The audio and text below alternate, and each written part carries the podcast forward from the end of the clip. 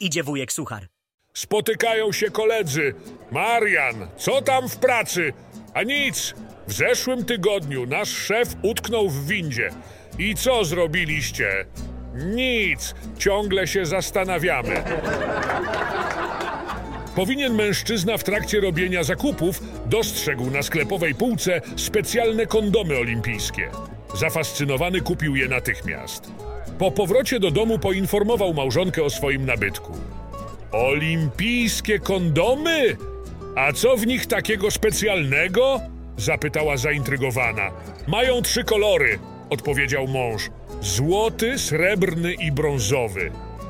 Jaki kolor masz zamiar dziś na siebie nałożyć? Zapytała żona, chichocząc. Złoty, oczywiście, dumnie odpowiedział mąż. Na co żona krzywiąc się odparła. A dlaczego nie srebrny do licha?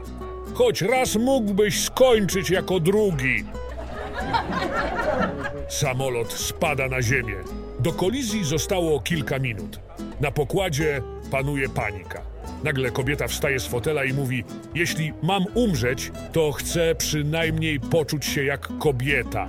Zdejmuje swoje ubranie i pyta: Czy jest tutaj ktoś na tyle odważny, że sprawi, iż poczuje się jak kobieta?